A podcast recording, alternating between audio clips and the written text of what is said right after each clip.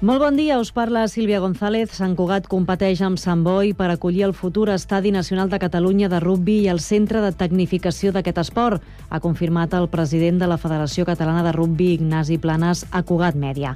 Planes s'ha reunit ja amb la regidora d'Esports i el president del Club Rugbi Sant Cugat per explicar-los el projecte, que també inclou aules de formació i un gimnàs. El camp 1 de rugbi de la Guinardera és l'escollit perquè convertir-se en l'Estadi Nacional de Catalunya, si es fa a Sant Cugat, tot i que hauria de ser remodelat completament i s'haurien d'afegir unes graderies amb capacitat per a 2.000 persones. El cost d'aquest arranjament estaria al voltant dels 4 milions d'euros i caldria buscar finançament entre la Secretaria General de l'Esport, la Diputació i el Consell Superior d'Esports del govern espanyol, segons explica el president de la Federació Catalana.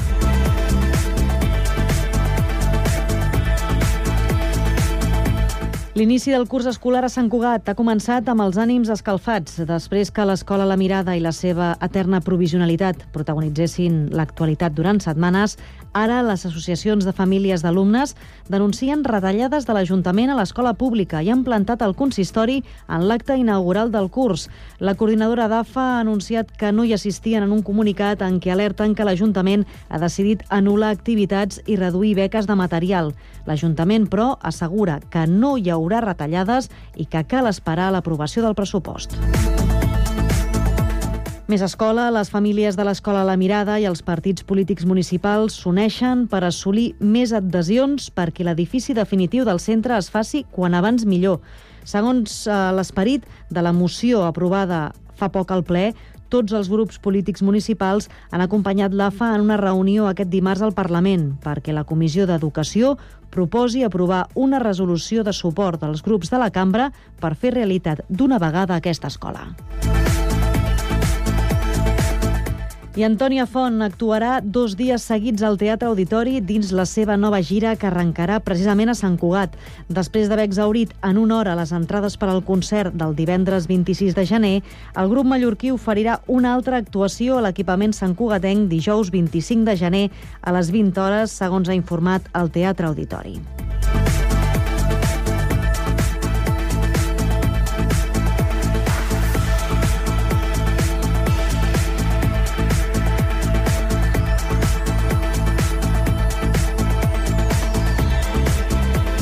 Cugat Mèdia, la informació de referència a Sant Cugat.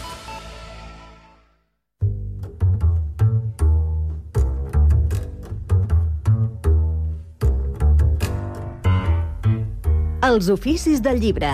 Un programa per explicar quantes mans, quantes veus i quanta gent és necessària per tenir a casa els llibres com a companys.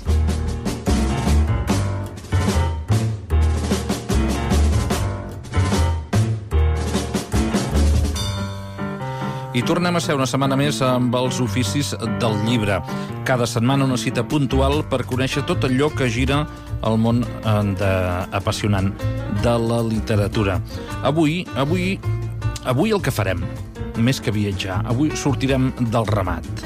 I avui tenim amb nosaltres una representant d'una nova editorial, acaba de complir no fa gaire més eh, que un any, una editorial que es defineix com a independent, diferent i empordanesa. Tenim amb nosaltres en Rafel Casas. Rafel, oh. sigues molt benvingut a la ràdio, què tal? Molt bé, molt bé, merci, per, merci a vosaltres per convidar-m'hi. Independent, diferent i empordanesa. Defineixes eh, aquesta editorial, aquesta nova criatura anomenada Lluny del Ramat Edicions. Què la defineix? Bueno, el, nom en si ja, ja t'ho dona una mica la, la pista principal de cap, cap on te volem anar, no?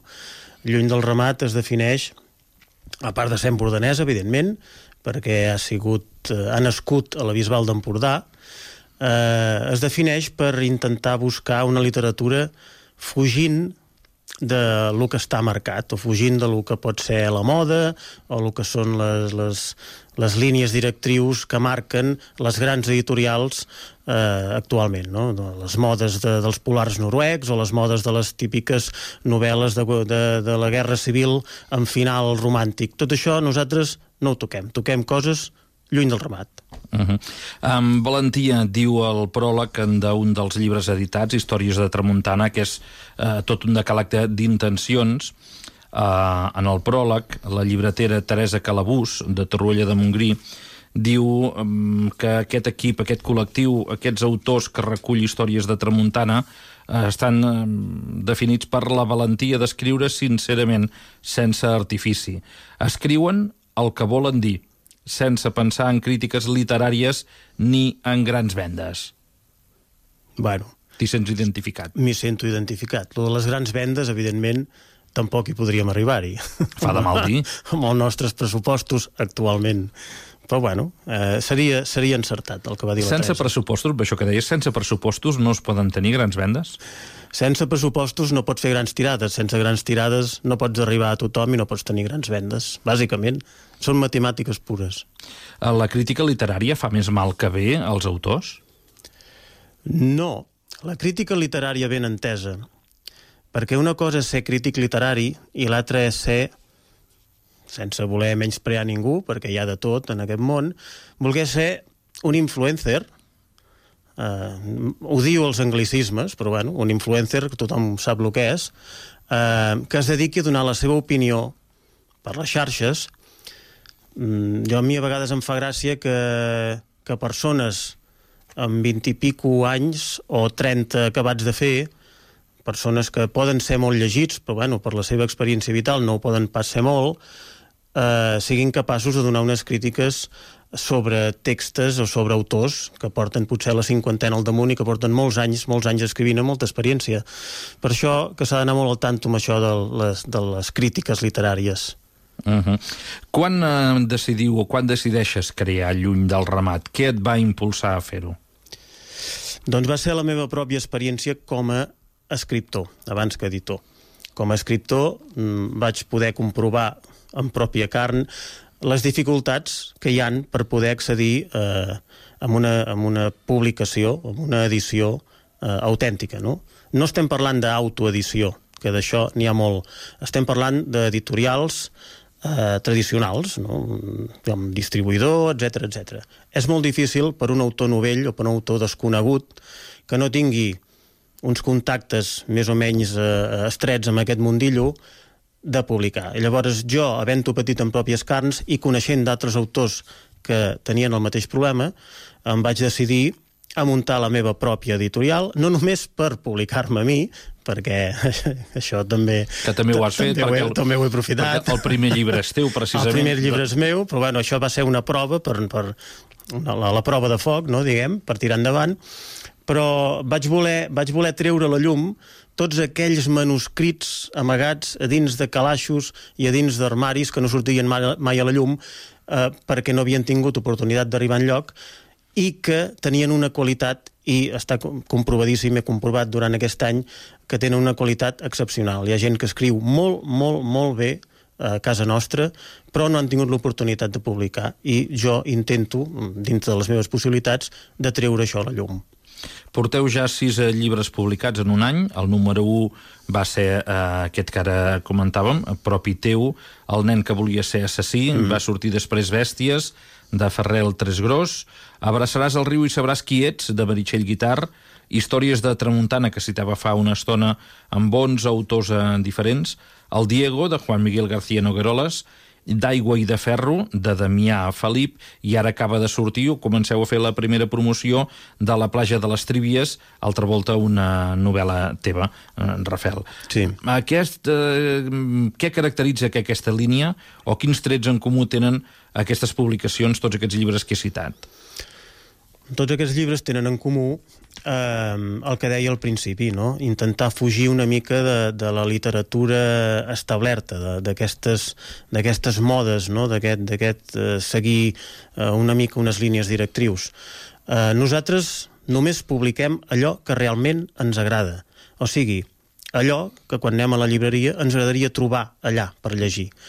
Per tant, som totalment fidels eh, eh, al, al- al nostre esperit, no? a, a, a realment a publicar tot allò que ens agradi, encara que pugui ser incòmodo o que pugui ser eh, fora de, de, de lo que s'està portant actualment.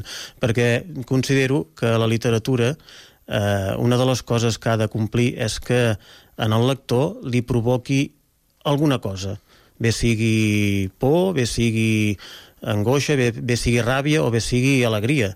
Però la qüestió és que te s'usmogui quan llegeixes alguna que no sigui un llibre tou, que en dic jo, un llibre sense sal, sense maní, que d'aquests, desgraciadament, n'hi ha molts, i tots tallats pel mateix patró. Llavors, la característica comuna, que és la teva pregunta, és que tots són mm, llibres amb un estil espectacular, amb, amb un estil diferent i que tracten temes doncs, que potser no estan dintre de, de, de, de lo que són les modes o de lo que es porta actualment.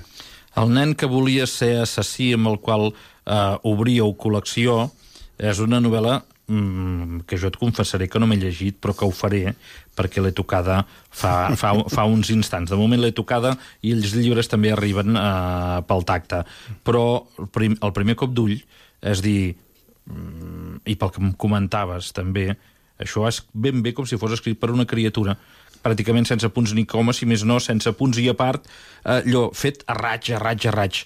Com és aquest nen, el nen que volia ser assassí? Com està escrit, en tot cas, Rafael? El nen que volia ser assassí és un experiment literari, que no vol dir que sigui algú que no es pugui, que no es pugui llegir, ni molt menys.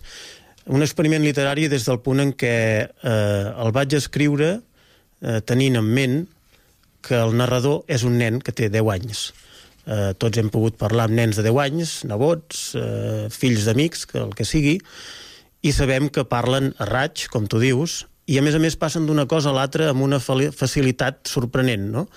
Eh, llavors, aquest nen narra eh, una història que és bastant truculenta, ja, si la llegiu ja ho veureu, també amb molt d'humor, perquè sempre n'hi ha d'haver-hi, però ho narra com ell ho narraria, com un nen de 10 anys ho narraria, no? Ell no entén el món dels adults, i ho explica tal com ell ho veu, i però ho explica a raig. Llavors és un llibre que has d'anar-te fent les teves pauses perquè si no pots acabar eh, cansat mm, començar i donar-te en compte i estàs a la pàgina 50, perquè, com tu dius, de punts i a parts, em penso que n'hi ha quatre en tot el llibre. Uh -huh. Em fa pensar molt això amb un text teatral de fa ja una colla d'anys o, de, o de dècades, seria almenys cap allà als anys 80, que jo diria que va ser en Pep Cruz que va posar damunt l'escenari, que era infantillatges eh, que era molt tirant a clau, no a pallasso, però que era fantàstic veure un tros d'home com Pep Cruz eh, amb un llenguatge superinfantil i era excel·lent, excel·lent, excel·lent aquella versió que se'n se, va fer. Mm -hmm. Estem parlant d'un lluny del ramat avui, però. Mm -hmm. I jo crec que dels sis llibres editats, set amb la plaja de les Trívies, el més significatiu, no sé, o corregeix-me si no és així, és històries de tramuntana 11 autors de, diferents, des de Miracle Sala, Jordi Dausà, Adrià Pujol, Pilar Francès, Damià Verdera, Gep Pastells, en Rafael Casas i altres que no acabo de citar mm -hmm. per mhm. fer absolutament exhaustiu, eh, tots molt a, a l'entorn de l'Empordà, comarques gironines, no? Correcte. Eh, narració curta, eh, sorprenent, perquè si un és una patacada a l'estómac, l'altre és un far de riure i l'altre és una il·luminada que dius que bé que m'ho estic passant. Sí, sí, sí, és així. I aquesta era la intenció. Històries de Tramuntana neix eh, per dues coses. Primera, per la necessitat de Lluny del Ramat com a editorial de donar-se a conèixer. És un món que és molt difícil, eh, és un món que has d'aconseguir que et facin cas i això sempre, sempre costa. Llavors, la idea de reunir 11 autores i autors de les comarques gironines eh, primer va ser per això, no? d'aconseguir donar-nos a conèixer en el mercat eh, literari. I segon va ser perquè, mm, com ja us he dit abans, en aquí, eh, a Girona, Catalunya, però a Girona concretament, tenim talents excepcionals, tenim gent que escriu molt bé i molt sovint tenim aquell costum de que el que ve de fora és millor. I, i, de, i deixem de banda potser eh, una literatura que tenim aquí molt nostra, que com tu dius eh, pot ser des d'algú que te fot una patada a l'estómac fins al altre que fa un relat que te fa patar de riure eh, però tots tenen aquell, aquell tarannà empordanès o gironí, no? aquella ironia aquell mm. transfondo de mala llet, en certa manera i a més a més eh, tots van volcar el seu estil propi, evidentment, i van volcar la seva visió, perquè quasi tots parlen de la visió que tenen ells de, de, del territori, d'aquí, del que els envolta. I per això és molt interessant, perquè són visions molt diferents de diferents zones del territori de les, de les comarques gironines, i la veritat és que és un llibre que ha tingut molt, molt, molta, molt bona acceptació, molt d'èxit. Tant d'èxit com que se n'està preparant un segon volum. No una, sí. un, no una reedició o una nova edició d'Històries de Tramuntana, sinó un volum 2, amb autors diferents, alguns d'ells eh, repeteixen, però seria un altre lliurament de narrativa curta d'aquestes contrades. Sí, és així. El mes de gener-febrer, encara no ho tenim clar, però serà entre gener i febrer, sortirà Històries de Tramuntana, volum 2. Aquest cop amb, amb 13 autors, eh, seran dos més que, que aquest últim volum, tres repeteixen, però els altres són nous, nous entre cometes. Eh, hi ha la Mar Bosch, hi ha la Cristina Garcia, que és l'actual eh, guanyadora del Premi Llibreters, vull uh -huh. dir, mm, un seguit d'autors més coneguts o menys coneguts, més novells, que això també és interessant, perquè els autors novells tenen l'oportunitat de publicar alguna cosa amb gent que ja són experimentats i ja tenen diverses publicacions i eh, serà el mateix, serà doncs històries d'aquí, de la regió, escrites doncs cadascú amb el seu estil i amb la seva visió particular del, del territori. Uh -huh. uh, tornant a la gènesis de, del, del lluny del ramat, uh, jo voldria veure l'altra banda del ramat. Uh, què té, de quins mals pateix el ramat literari diguem-ne que català, el, del, el del nostre entorn. Per què no volem estar en aquest remat on n'agafem aquesta distància? Uh, actualment estem passant per un moment dolç dintre de lo que és la literatura i l'edició uh, catalans. En els darrers anys han sorgit moltes petites editorials independents, com nosaltres, cadascuna amb les seves particularitats, n'hi ha que fan assaig, n'hi ha que publiquen poesia, mm, negra, etc etc. Eh, això forma una base molt important eh, de literatura catalana que feia anys que no, que no es donava. No? Eh, el fet que nosaltres eh, vulguem tirar pel nostre compte no vol dir que, que no formem part, que no integrem aquesta base d'editorials de, i eh, que lluiten en, en certa manera per, per la literatura catalana, per la llengua catalana, sinó que el que volem és desmarcar-nos i trobar el nostre reducte de lectors eh, fidels que quan vegin un llibre de lluny del ramat amb, una, amb unes prestatgeries d'una llibreria diguin ep, això és bo, aquí hi ha qualitat. I per això eh, som tan curosos amb el que, amb el que publiquem. I començant des d'un territori petit, entenc que amb l'objectiu d'anar-se obrint mires si la cosa va bé diu un dels punts del vostre decàleg a la vostra web en l'apartat de com funcionem diu, diu, diu sempre fem publicitat de les novetats editorials a xarxes socials i on en sigui possible però de moment de moment no ens espereu en entrevistes a TV3 tot pot sí. arribar, oi? Però de moment no. Tot pot arribar, tot pot arribar. Uh, bueno, això, més que res, um, és perquè ens agrada parlar clar amb els autors que publiquem. És a dir, nosaltres, com que som petits, i cuidem molt els nostres autors i podem estar-hi molt al damunt i els podem acompanyar molt. I el que tenim clar, perquè ho hem patit amb, amb pròpies carns, és que no volem enganyar ningú. Si algú posa les seves esperances un manuscrit en el que ha estat treballant dos anys i ha volcat totes les hores del món i ens el posa a les mans perquè nosaltres el publiquem, eh, el que no farem serà enganyar-lo i dir-li no, pateixis, que veuràs que em vendràs 200.000 còpies i sortiràs a, a TV3 i, i qui I, sap i si a la BBC, arreu, saps? Arreu. No, les coses clares, vull dir, nosaltres arribem fins on arribem i si les coses van bé, bueno, eh, el, el llibre d'en Juan Miguel García Nogueroles, que has citat fa poc, el Diego, fins i tot s'ha presentat eh, al País Valencià, perquè ell és valencià d'origen, mm. val? encara que visqui a Barcelona. Vull dir que arribem on te podem i bueno, ja ens en sortim força bé, però de moment arribem poc, però arribem. I estem parlant d'un món, i ho hem repetit vegades en aquest uh, programa, els oficis del llibre, on uh, l'última baula de la cadena l'autor, doncs, home, home, per viure de l'escriptura, o si més no, per viure només de l'escriptura, ho té pelut, eh? I jo sempre cito aquell Molt. article que va fer l'any passat eh, en Sebastià Benazà, eh, que deia què hauria d'escriure un autor en llengua catalana per ser, com a mínim, milaurista si tenim en compte que s'endú un 10% del negoci, doncs feu comptes, no? Edicions promig, Sí. promig de 500 exemplars, va, preu promig de 20 exemplars, a 10.000 euros de negoci per un llibre que es venés tot a la tirada de 500, d'això l'autor se'n quedaria 1.000 euros. Eh, 12 llibres per any hauria d'escriure. Matemàtiques pures. Déu- de- Déu-n'hi-do l'ofici de l'autor, de l'escriptor, aquest de territori, de, de base, no? Uh, jo no aconsellaria a ningú, i menys en el meu fill, per exemple, que es fes escriptor. Únicament escriptor. Uh, de tots els escriptors que conec, i en el darrer any n'he conegut molts, em penso que un parell, de tots ells, viuen de l'ofici literari, que no del que escriuen o el que publiquen. Mm. De l'ofici literari. Això vol dir de que, a més a més, col·laboren amb mitjans escrits, amb articles, amb, amb crítiques, que fan correccions per a altres editorials, que cobren per anar a fer alguna presentació o per anar a alguna fira literària. Amb tot això, sí, pots arribar-te a treure't un sou, però bueno, un sou que tampoc no pensis que tindràs un xalet a Malibu ni res de tot això que es veu a les pel·lícules. Realment, l'ofici d'escriptor aquí a Catalunya eh, és un ofici de cor, és un ofici d'estimar de, de, de la literatura i de que escrius perquè no pots evitar-ho. Um, perquè per guanyar-se la vida com a escriptor has de vendre molts de milers de còpies i, i la llengua catalana tampoc és que tingui possibilitat de vendre'n molts de milers de còpies. Així és que, bueno, mm, els autors en són conscients i, i bueno, fa, hi, posem, hi posem més cor que altra cosa, no?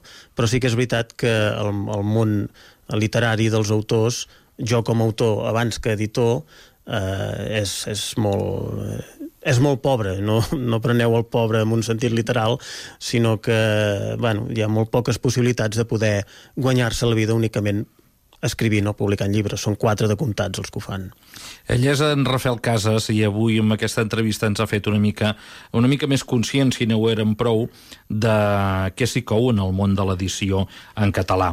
Eh, ens ha explicat el seu projecte, la seva empresa, la seva editorial, aquest eh, Lluny del Rabat. Encara eh, una criatura ben jove i ben tendra. Escassament ha editat sis llibres, té un any i escaig de vida, però ja ha publicat perles com aquestes històries de tramuntana que comentàvem fa uns instants.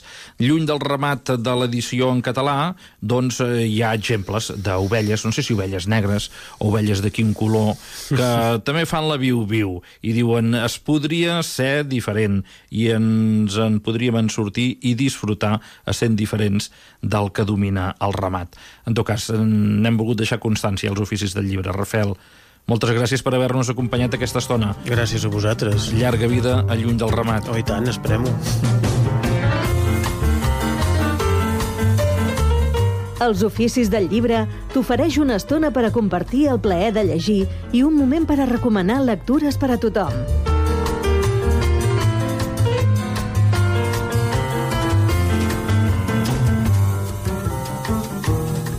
I arriba el moment de les recomanacions, que ja ho heu anat escoltant si esteu al cas d'aquesta temporada. De moment, de moment, de moment, el que hem fet és incunables i hem fet adopcions. Avui, apadrinament. Apadrinament de llibres. Apadrina un llibre que és el títol de la campanya o de la iniciativa de l'Ateneu Barcelonès. Judit, benvinguda una setmana més. Hola, què tal? Dèiem uh, adopcions la setmana passada, uh Mhm. -huh. apadrinaments uh, aquesta. És un projecte de l'Ateneu barcelonès que podem dir, o primera pregunta, per què, per què és necessari aquest projecte? Home, doncs mira, la Biblioteca de l'Ateneu custodia un fons d'un valor històric i patrimonial enorme. Té documents de més de tres segles. Això què vol dir? Doncs que hi ha llibres i documents, revistes i d'altres que estan fumudets, que els hi cal una repassada. Eh? Allò, passar pel taller. I això, doncs, val diners. Llavors, els de l'Ateneu Barcelonès el que ens proposen, tant a socis com a no socis, és ajudar-los a padrinar en aquests llibres que estan al taller per acabar de passar la ITBB i que puguin tornar a lluir a la biblioteca. Segon, per què? Per què col·laborar-hi? Per què col·laborar en la restauració d'aquests llibres a nivell particular o privat mm -hmm. nostre? Per allò que insisteixo sempre, eh, el patrimoni cultural d'aquest país, com tot el que es fa en aquest país fins que no siguem un estat, i quan siguem un estat potser també, depèn en gran part de la consciència individual i de la consciència col·lectiva, de què ens hi posem, de què ens arremanguem tots no és cap gran cost. Uh -huh. I què es farà amb la nostra aportació? Els nostres diners que ens traiem de la butxaca o que uh -huh. fem mhm. a través d'una transferència, eh, a què aniran destinats? Mira, aniran destinats a assolir el cost total de, de la reparació del llibre que sigui.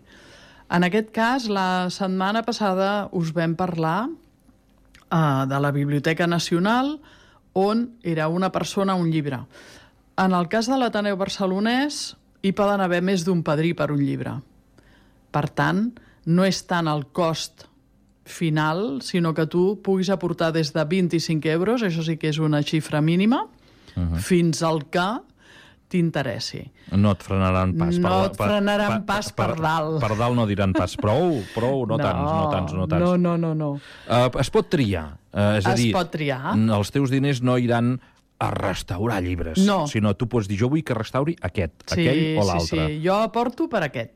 Com, I com, els pot com es pot veure quins es llibres hi ha? Es pot entrar a la web, es pot anar físicament, si sou per Barcelona i voleu anar a l'Ateneu Barcelonès, que val molt la pena la visita, i pugeu a la biblioteca i pregunteu, també us ho ensenyaran directament, però el més fàcil és entrar a la web i triar. Has d'omplir també un petit informe, un formulari, un formulari petit, i a partir d'aquí doncs, rebràs el certificat com a padrí, eh? allò que diu aquest senyor o aquesta senyora, o aquesta escola, o aquest institut, eh? donem idees, o aquesta empresa. Uh mm-hmm. -huh.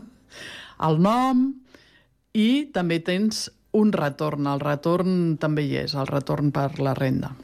Hi ha un dia assenyalat, el dia del padrí. Què sí. és el dia del padrí? Què passa aquest dia?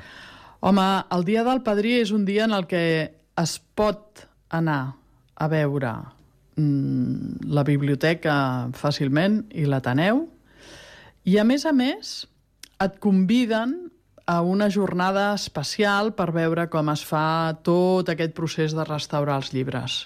I a més a més ho pots veure, ho pots tocar, o sigui que t'animen, a part de ser padrí, doncs a la millor que t'animis i acabis restaurant-ho. Per què no? Va, doncs visiteu la web de l'Ateneu Barcelonès, si no truqueu-hi, si no acosteu-vos a la biblioteca de l'Ateneu i eh, tindreu, obtindreu més detalls d'aquesta iniciativa. A Padrina, un llibre. Judit, gràcies. Fins la setmana entrant. Fins la setmana entrant.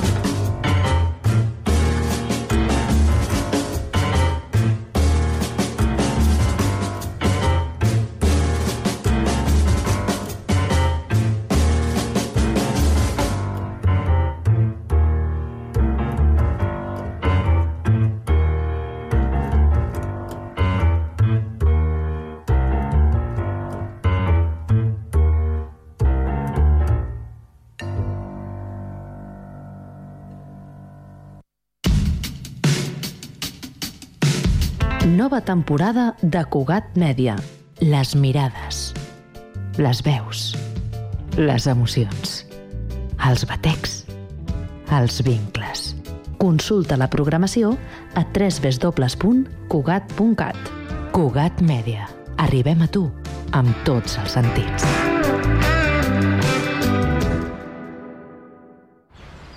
Estàs pensant a posar plaques solars a casa teva? Doncs passa't a l'energia solar de manera fàcil i segura amb la teulada, experts en energia solar i el nou espai d'assessorament per a la ciutadania i les empreses. Informa't a la teulada arroba amb.cat o contacta'ns per WhatsApp al 645 725 465. La teulada és un servei de l'AMB finançat amb el Fons Europeu de Desenvolupament Regional. AMB, Metròpolis de Barcelona.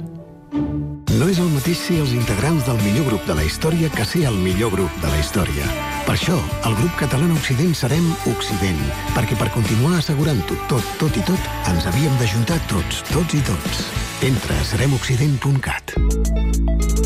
Estrenem l'APP del Picalletres. Paraules i jocs lingüístics per a tothom. Descarregueu-vos l'APP a Google Play o a l'App Store i comenceu a jugar.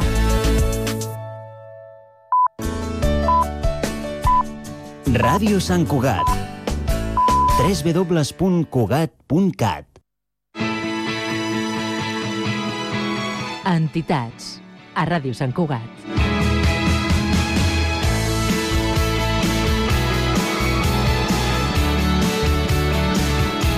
Molt bon dia, són dos quarts d'onze del matí d'aquest dimecres 4 d'octubre de 2023 i comença el programa Entitats. Aquest espai vol ser una finestra, recordin, perquè les entitats de Sant Cugat puguin venir aquí a la ràdio a explicar la seva activitat i mostrar-la a tota la ciutat. Avui hem convidat a la plataforma de pensionistes de Sant Cugat, aprofitant que aquests dies se celebra la Setmana de la Gent Gran. La plataforma de pensionistes és una entitat que enguany celebra el seu cinquè any de vida. Per tant, és una associació jove que lluita pels drets dels més grans grans. Ens acompanyen a l'estudi 1 de Ràdio Sant Cugat dos dels seus membres, la Neus Medina i en Josep Maria Bové. Benvinguts a Cugat Media, els dos. Gràcies, Hola. igualment. Ara els explicava. El 15 de gener de 2018 vam fer la primera concentració de plataforma davant l'Ajuntament per reclamar primer pensions dignes. Com recordeu els inicis de la plataforma? Doncs mira, eh, eh, en aquella època es feien unes concentracions a Bilbao que van ser molt exitoses, sortien constantment els mitjans de comunicació i ens vam fer solidaris amb el tema del 0,25, perquè en aquella època només ens pujaven les pensions un 0,25 molt per sota de l'índex eh, de l'IPC anual. Eh, a partir d'aquell moment ens vam presentar davant de l'Ajuntament, ja dit, solidants amb el tema, perquè sabíem que era un tema de recolzament, ja que aquí no es podia solucionar res per augmentar eh, el tema de les pensions. I a, i a partir d'aquell moment també ens vam adonar compte de que ja que vam crear un caliu davant de l'Ajuntament de forces persones fent aquesta reivindicació, ens vam constituir com a plataforma perquè vam entendre de que calia potser també fer moltes més millores aquí a Sant Cugat per la gent gran, ja que veia, veiem unes carències. Era el 2018, abans de la pandèmia. No sé com recordes tu, Neus, aquells moments de les primeres concentracions que fèieu. Pues eh, la veritat és que mm, eren molt exitoses, van ser espontànies, com deia el Josep Maria. Eh, vam pensar que era molt important eh, contribuir no? amb, tot el, amb tota la resta de gent gran de, de, de l'Estat, d'empentar de, i, de, i de protestar i d'aconseguir unes pensions dignes i no un 0,25 que, que realment era derrisori, no?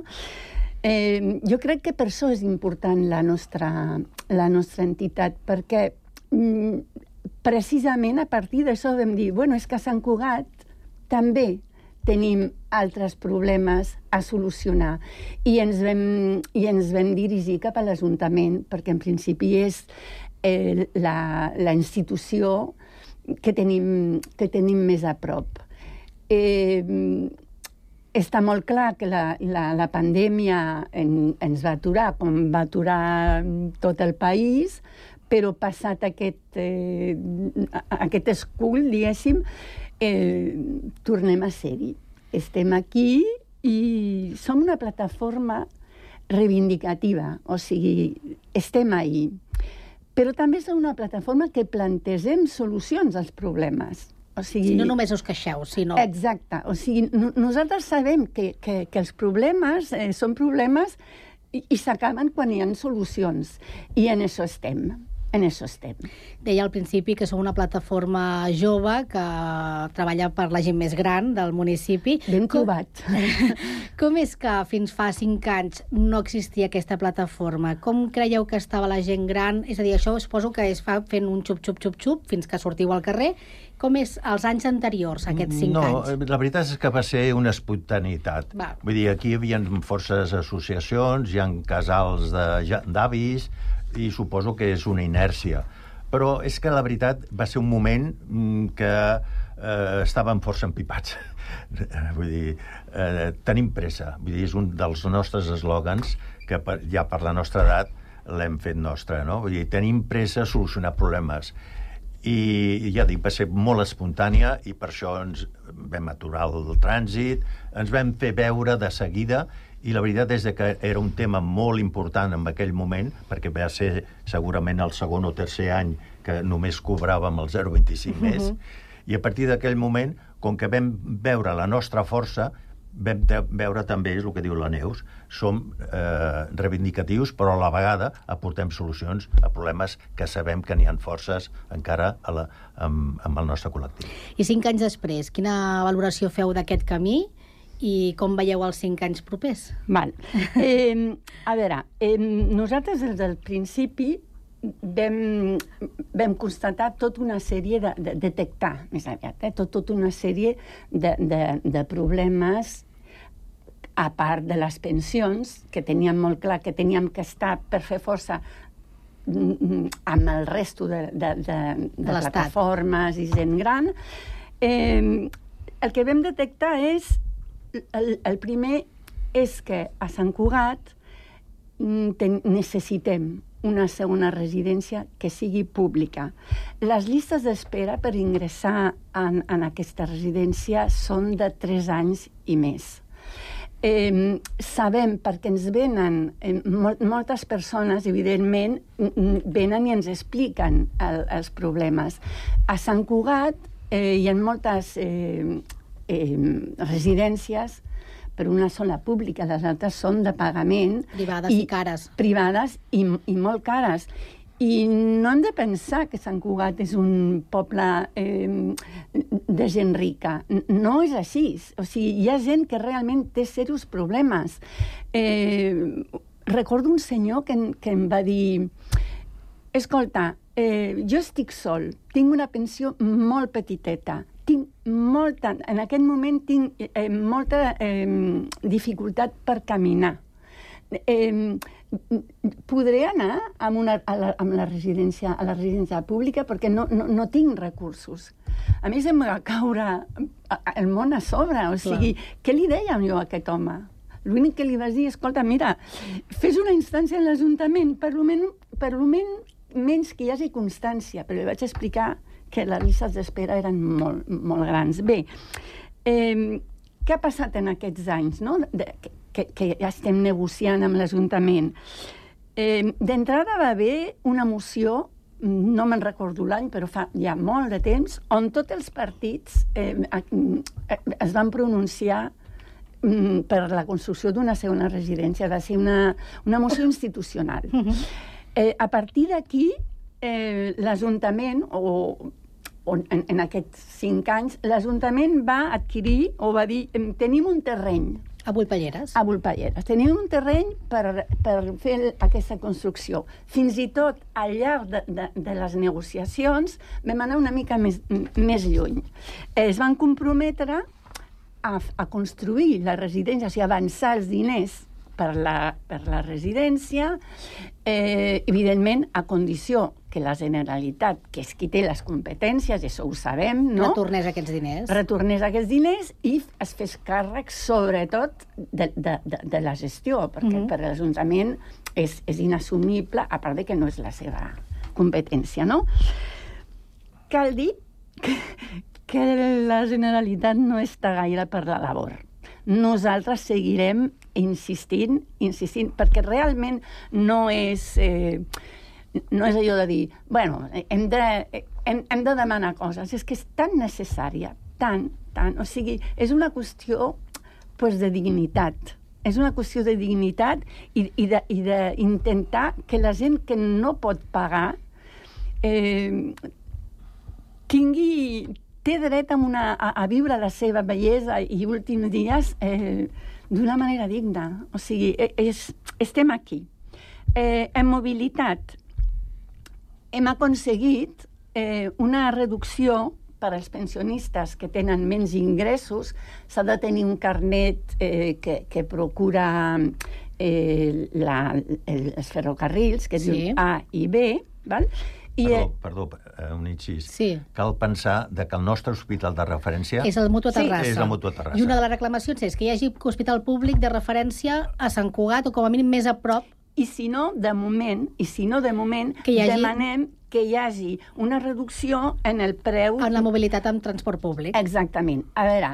Eh, Això s'ha aconseguit, en certa manera. S'ha aconseguit. S'ha aconseguit... En certa manera, dic. A mitges, un no? Ajut.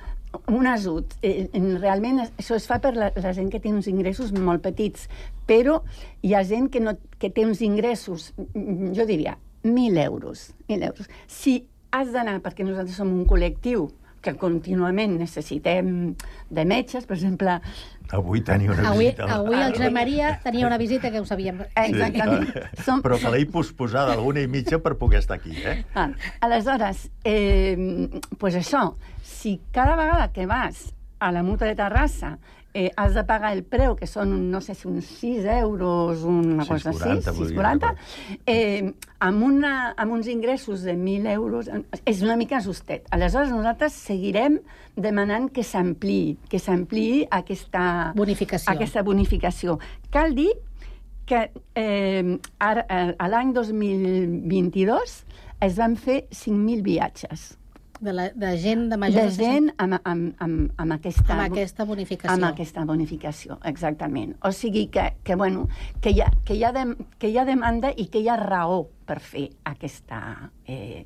Bé, parlàvem d'hospital, eh? Ara mm, afegeixo, no? Eh, volem un hospital general bàsic. Un hospital general bàsic que, que doni serveis a Sant Cugat, Rubí i Castellbilbal. El, hi ha un compromís del conseller. Que es farà Rubí. Que es farà... Sem sembla que es farà Rubí. Aquí lo dejo, es diuen, no? Aquí lo dejo, no? Eh, sí, però, perdona, sí. es va posar una primera pedra sí, sí. Eh? fa molts anys. Per, a Can Sant Joan. Aquí, eh? Vull dir, per sí, sí. construir un hospital i encara... Que tenia nom i tot. Exacte. Vicente Ferrer. Exacte. I sí, sí, hi havia un, un projecte de construcció fet que tots és vam que veure. El que no s'ha previst és el creixement tan espontani que hi ha hagut a Sant Cugat. És el municipi potser que ha crescut més a tot Catalunya I encara té sostre per en poc temps. Vam passar de 30.000 habitants a 100.000, vull dir, en pocs anys. Però no han tingut potser la previsió o les ganes de poder donar serveis apropiat a una ciutat de 100.000 habitants. Exactament. Bueno, eh, seguim amb el... Amb les vostres demandes. Amb les Crec que demandes... està sobre la taula l'activació del pla estratègic de la gent gran, que això sí que és exactament. qüestió de l'Ajuntament exactament, únicament. Exactament, sí, sí, sí. En aquest moment la diagnosi està acabada. Està acabada ja fa força temps, però per problemes X eh, encara no, no hi ha resultats. Ens hem, nosaltres fem part també de la taula de la gent gran uh -huh. i a l'última reunió ens van dir que en aquesta reunió cada mes es reuneix la, la taula de la gent gran. En aquesta reunió sí que vindran a, a explicar i a donar compte de la diagnosi. És molt important perquè cal cal saber quins són els problemes reals que tenim la gent gran per fer polítiques que realment eh, siguin útils, no? Però te n'adones el que deia. És dir, ara ens hem de donar compte quines són les necessitats de la gent gran, però sí, es veu dia a dia. Nosaltres, des de que ens vam constituir, vam tenir moltes reunions amb el govern anterior. Uh -huh. Realment molt receptiu, i a la vegada teníem reunions cada, cada mes, aproximadament. Veníem molt preparats perquè dintre del nostre col·lectiu hi ha gent, eh, lògicament, doncs, enginyers, metges i de més, vull dir que ens preparàvem les reunions amb l'Ajuntament. Ells quedaven sobtats, els tècnics mateixos que estaven presents, de lo bé preparades que estaven aquelles reunions, no? Però mm, l'administració és lenta. És, quan, quan ja pràcticament veiem la llum per un tema, canviava el govern va canviar el govern, o, el, vull dir que... I és que tornem a començar. Tornem a començar. Sí. I això, francament, és, sí. es fa difícil amb, amb, la, amb la nostra necessitat tan eh, eh, important que tenim amb, amb tots aquests temes. Sí, a veure, nosaltres ja, ara que parlem de, de, de la relació amb l'Ajuntament, mm -hmm. eh, ja, hem, eh, ja hem negociat amb tres eh, con, eh, equips de govern. Eh, aquest serà el quart. Esperem, esperem que mm, tot l'aconseguit en l'anterior eh, legislatura, que jo he de dir personalment que la Núria Givert, que va ser la nostra consellera, es va, com es diu vulgarment, mullar moltíssim. La regidora de Drets Socials, de la Exacte, CUP, que va deixar de la CUP. el mandat. Jo li estic, i, i eh, si, si em pot sentir des d'aquí, li, es, li estem molt agraïts, perquè realment va ser ella la que va impulsar moltes coses. Esperem que aquest govern eh, segueixin aquesta, en aquesta senda, diguéssim. Esperem. Eh, de moment donem-los un, un marge, eh, no? perquè tenim una reunió, hem demanat i tenim una reunió prevista. Sí, però jo el que volia dir és el següent. Aviam, eh, el pressupost municipal està a 150 o 180 milions, milions d'euros. No es considera un ajuntament sensible eh, en temes socials si no té un pressupost d'un 10% a serveis socials.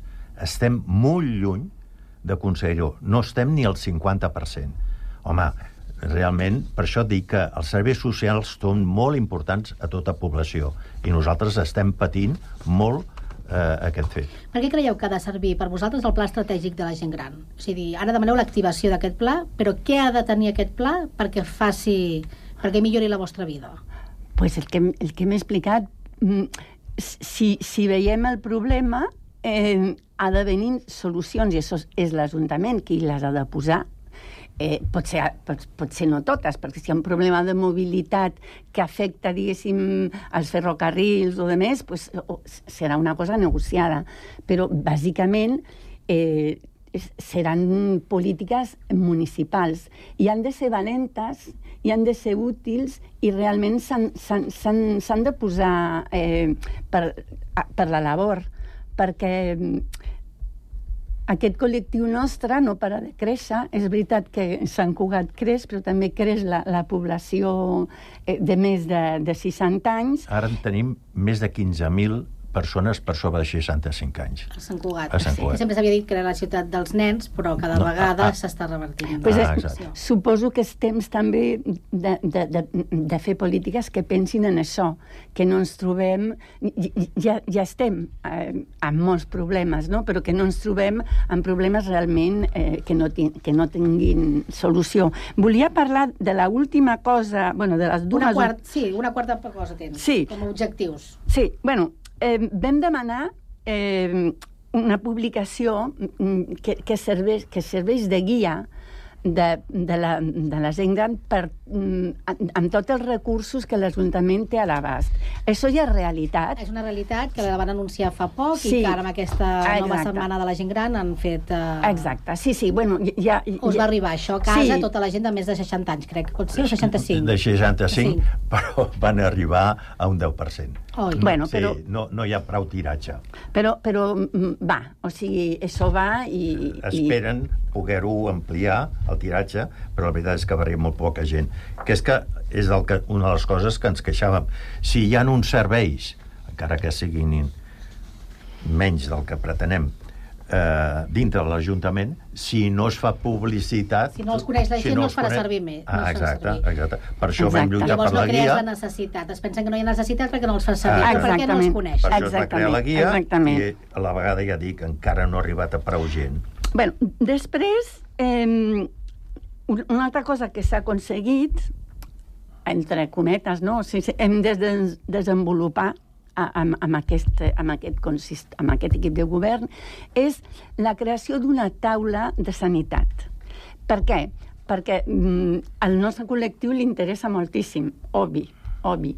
I en aquesta taula nosaltres la pensem que sigui una taula on hi hagi eh, l'Ajuntament, on hi hagi eh, les, eh, el personal de, de sanitat i on hi hagi els usuaris i usuàries d'aquest servei, que pot solucionar moltíssims problemes eh, o, o com a mínim eh, eh, donar-los a veure, o sigui, fer llum dels problemes que hi ha i cercar, cercar solucions. I això existeix? No. No, això és el que reclameu perquè sí, es i això constitueixi. va ser una, una última, diguéssim, promesa de dir, bueno, ja en parlarem... Amb l'anterior mandat. Amb l'anterior mandat, sí. I aleshores nosaltres, evidentment, RQR, cada 15 dies... Hem fet concentracions davant de CatSalut, perquè, clar, l'Ajuntament deia que aquest últim consistori mm. de que eh, el tema sanitat no, no, no pertanyia a les seves... Eh, no és la seva competència i, per tant, no les seves res. Llavors ens vam dirigir a CatSalut, vam tenir diverses reunions amb ells, realment van ser també molt receptius, realment, perquè, clar, ens tallàvem el trànsit, fèiem soroll, i d'alguna manera, clar, veiem la necessitat de, ja que abans de la pandèmia teníem una sèrie de serveis, com més són especialistes, que teníem en aquells moments als CAPs, el, quan va arribar la pandèmia, van desaparèixer i no han tornat. I no han tornat. Són d'aquelles coses que la pandèmia van, es va aprofitar per ah, exacte, rebaixar. per reestructurar mm. segurament el tema. Sí. Eh, sabem de la mancança de metges, però, home, eh, una ciutat de 100.000 habitants que per qualsevol especialitat hàgim d'anar a Terrassa, amb el que suposa de desplaçament i de més, no s'entén. Mm.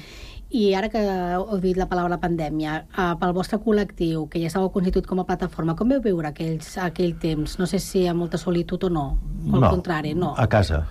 Vull dir, bueno, bueno, aviam, va haver-hi la solidaritat del veïnat, a la qual doncs, eh, sortíem cada dia i teníem la possibilitat de fer la, xerra, la xerradeta amb, amb els veïns. Vull dir, no, no, jo almenys no la vaig patir. No, bueno... Massa entre altres coses perquè tinc un gos a casa. Mm, I això... Companyia. No, no, és que això tenia dret a, a sortir a, sortir a passejar.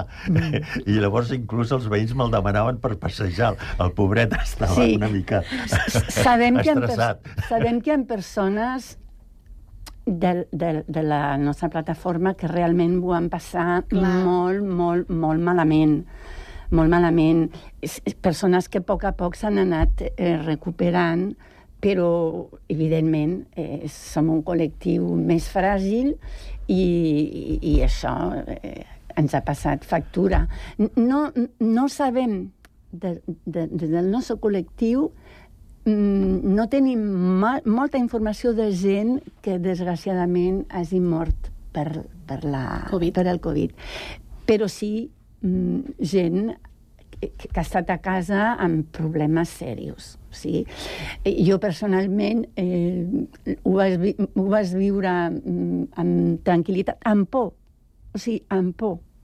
Tothom crec que, que, que, que tenia por. O sigui, fins que no van arribar la, les vacunes, eh, teníem molta por com la resta de la població, però nosaltres més perquè sabien que...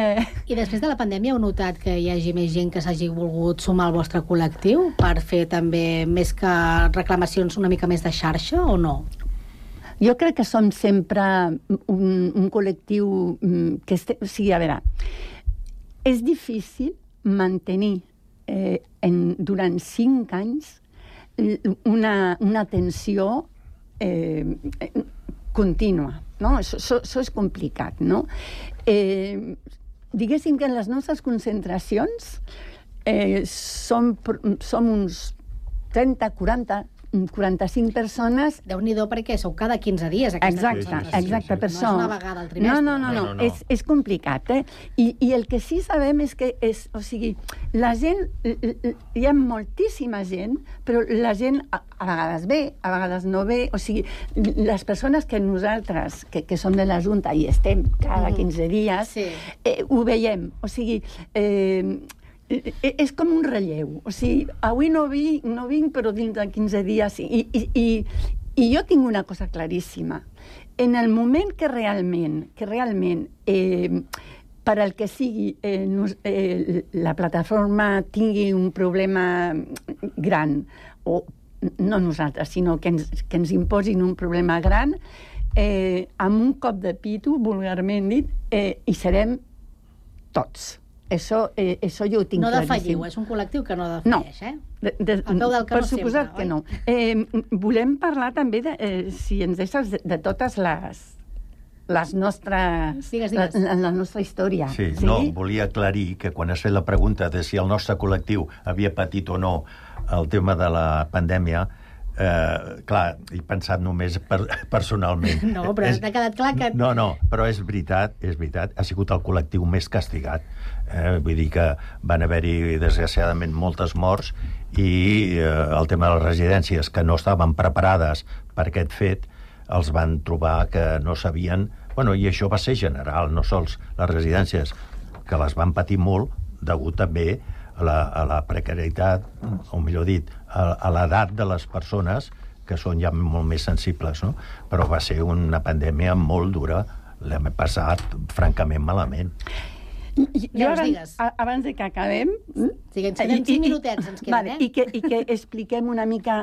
Eh, una mica la història de les nostres mobilitzacions i les participacions que tenim. Perquè la gent també, si s'escolta, pugui dir, ah, mira, potser m'interessa. Exacte. Vull, vull dir una cosa important. Digues. El dissabte, eh, proper, el dia 7, eh, hi haurà una manifestació mm, davant de la Mútua de Terrassa precisament per, per, mm, per seguir amb el tema sanitari.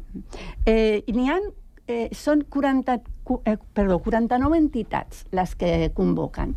Eh, entre elles, moltes associacions de veïns, moltes plataformes que tenen que veure amb la gent gran, plataformes que tenen que veure amb, amb, amb sanitat, eh, alguns sindicats...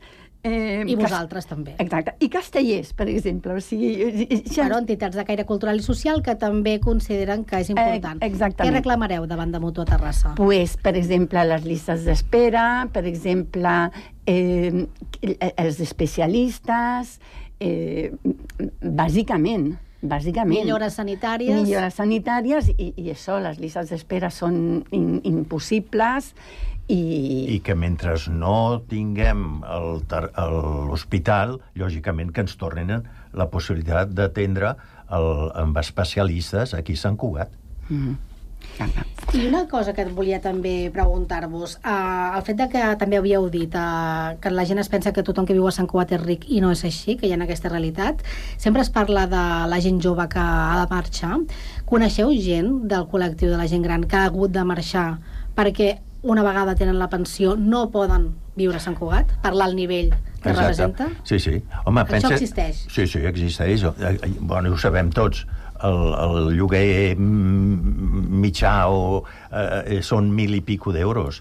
Vull dir, pensions eh, com les nostres eh, no, no es pot atendre.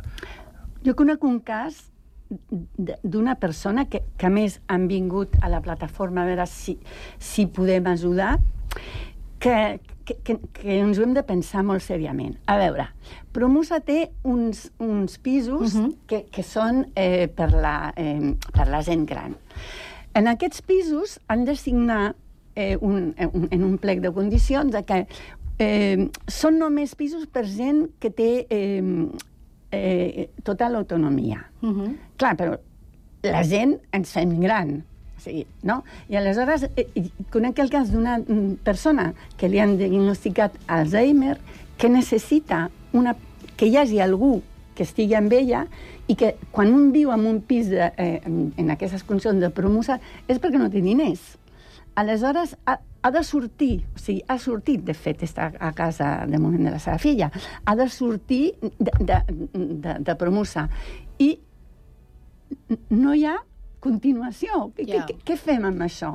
O sigui que aquest, aquest és el problema. O sigui, no hi ha residència pública i no, no pot pagar una, una residència privada. Arribem a l'últim minut de l'entrevista i de l'espai uh, per la gent que ens escolta. On us pot trobar? Cada 15 dies on us concentreu? Una mica el resum perquè la gent sàpiga i si vulgui sumar a la vostra causa. Perfecte. Doncs em dirigeixo a tothom que ens vulgui fer costat.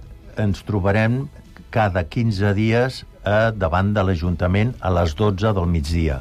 Eh, vol dir que si aquest dilluns passat vam estar presents, d'aquí 15 dies serà la pròxima concentració, Els dilluns, cada 15 dies a les 12 del migdia. davant de l'Ajuntament. I allà trobaran sempre, com a mínim, una quarantena de persones. Ah, Ahí exacte, estem, ahí exacte. estem. Sí, sí. Eh? I per treballar amb totes aquestes uh, peticions que feu per millorar la vostra vida i, com diu el Josep Maria, perquè teniu molta pressa. Ah, exacte, efectivament.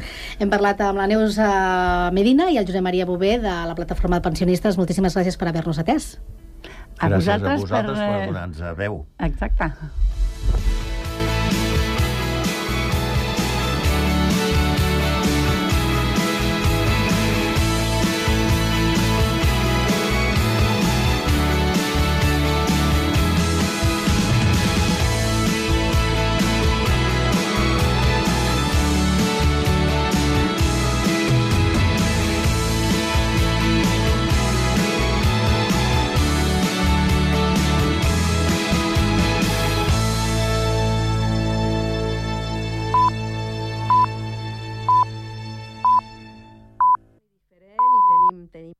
Hora Sant Cugat és un contenidor radiofònic de contingut